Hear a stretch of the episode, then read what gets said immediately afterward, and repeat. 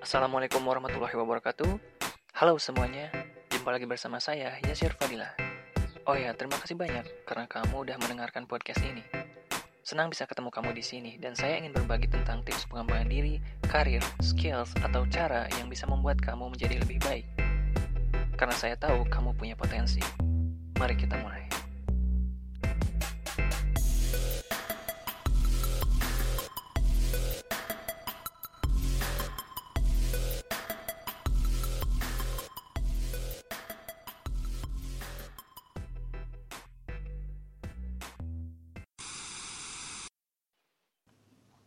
Selama ini kita selalu hidup berdampingan dengan orang lain, dari mulai keluarga, saudara, tetangga, guru, atau teman. Mereka adalah orang-orang yang berperan di hidup kita. Ada yang memang suka bikin kita bahagia, atau malah bikin kita sedih. Dari sekian banyak pengalaman yang kita lewati bersama mereka, pastinya meninggalkan kesan yang beragam dari sekian banyak orang yang berinteraksi dan bersentuhan dengan kita, nggak semuanya masuk ke circle terdekat kita. Nggak semuanya bagian dari meaningful relationship. Biasanya cuma ada beberapa yang kita anggap penting. Dan yang kita anggap penting ini adalah orang-orang yang pantas kita bahagiakan. Semakin dewasa, saya semakin sadar kalau orang itu datang dan pergi.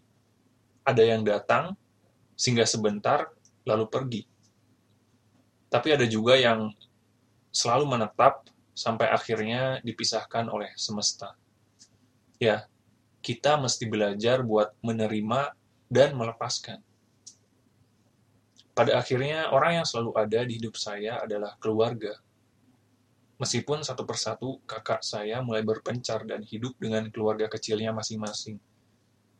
Tinggal saya sendiri yang lebih banyak menghabiskan waktu dengan orang tua rasanya agak berat juga ketika suatu saat nanti saya pun akan pergi dan membangun keluarga sendiri.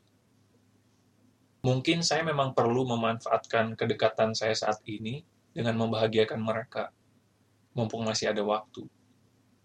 Selain orang tua, banyak juga orang yang berjasa di hidup saya sampai sejauh ini.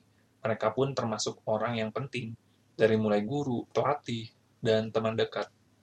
Mereka mengisi bagian-bagian kosong di hidup saya rasanya saya ingin membahagiakan mereka juga. Siapa orang-orang penting di hidupmu yang ingin kamu bahagiakan? Kamu juga pasti dikelilingi orang-orang yang penting, orang-orang yang berjasa dan susah dilupain. Selain orang tua, pasti ada orang lain yang ingin kamu bahagiakan juga. Coba pikir-pikir siapa aja yang pantas kamu bahagiakan saat ini. Kalau udah tahu, berarti selanjutnya tinggal mikirin gimana cara bahagiainnya. Menurut saya nggak harus yang ribet sih. Sesuatu yang simple pun udah cukup.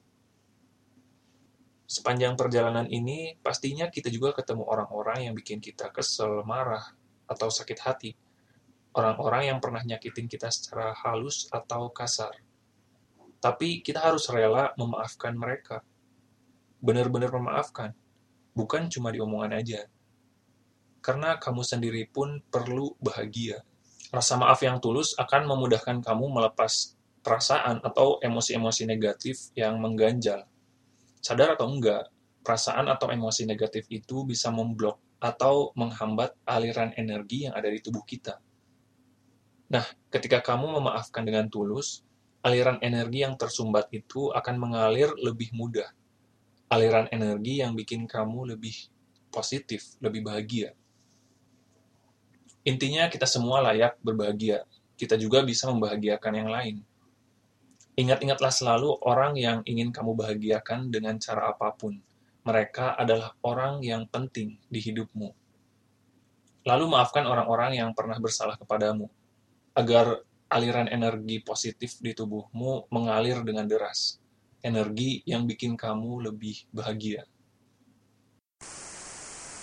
Saya Asir Fadila, sampai jumpa di episode selanjutnya.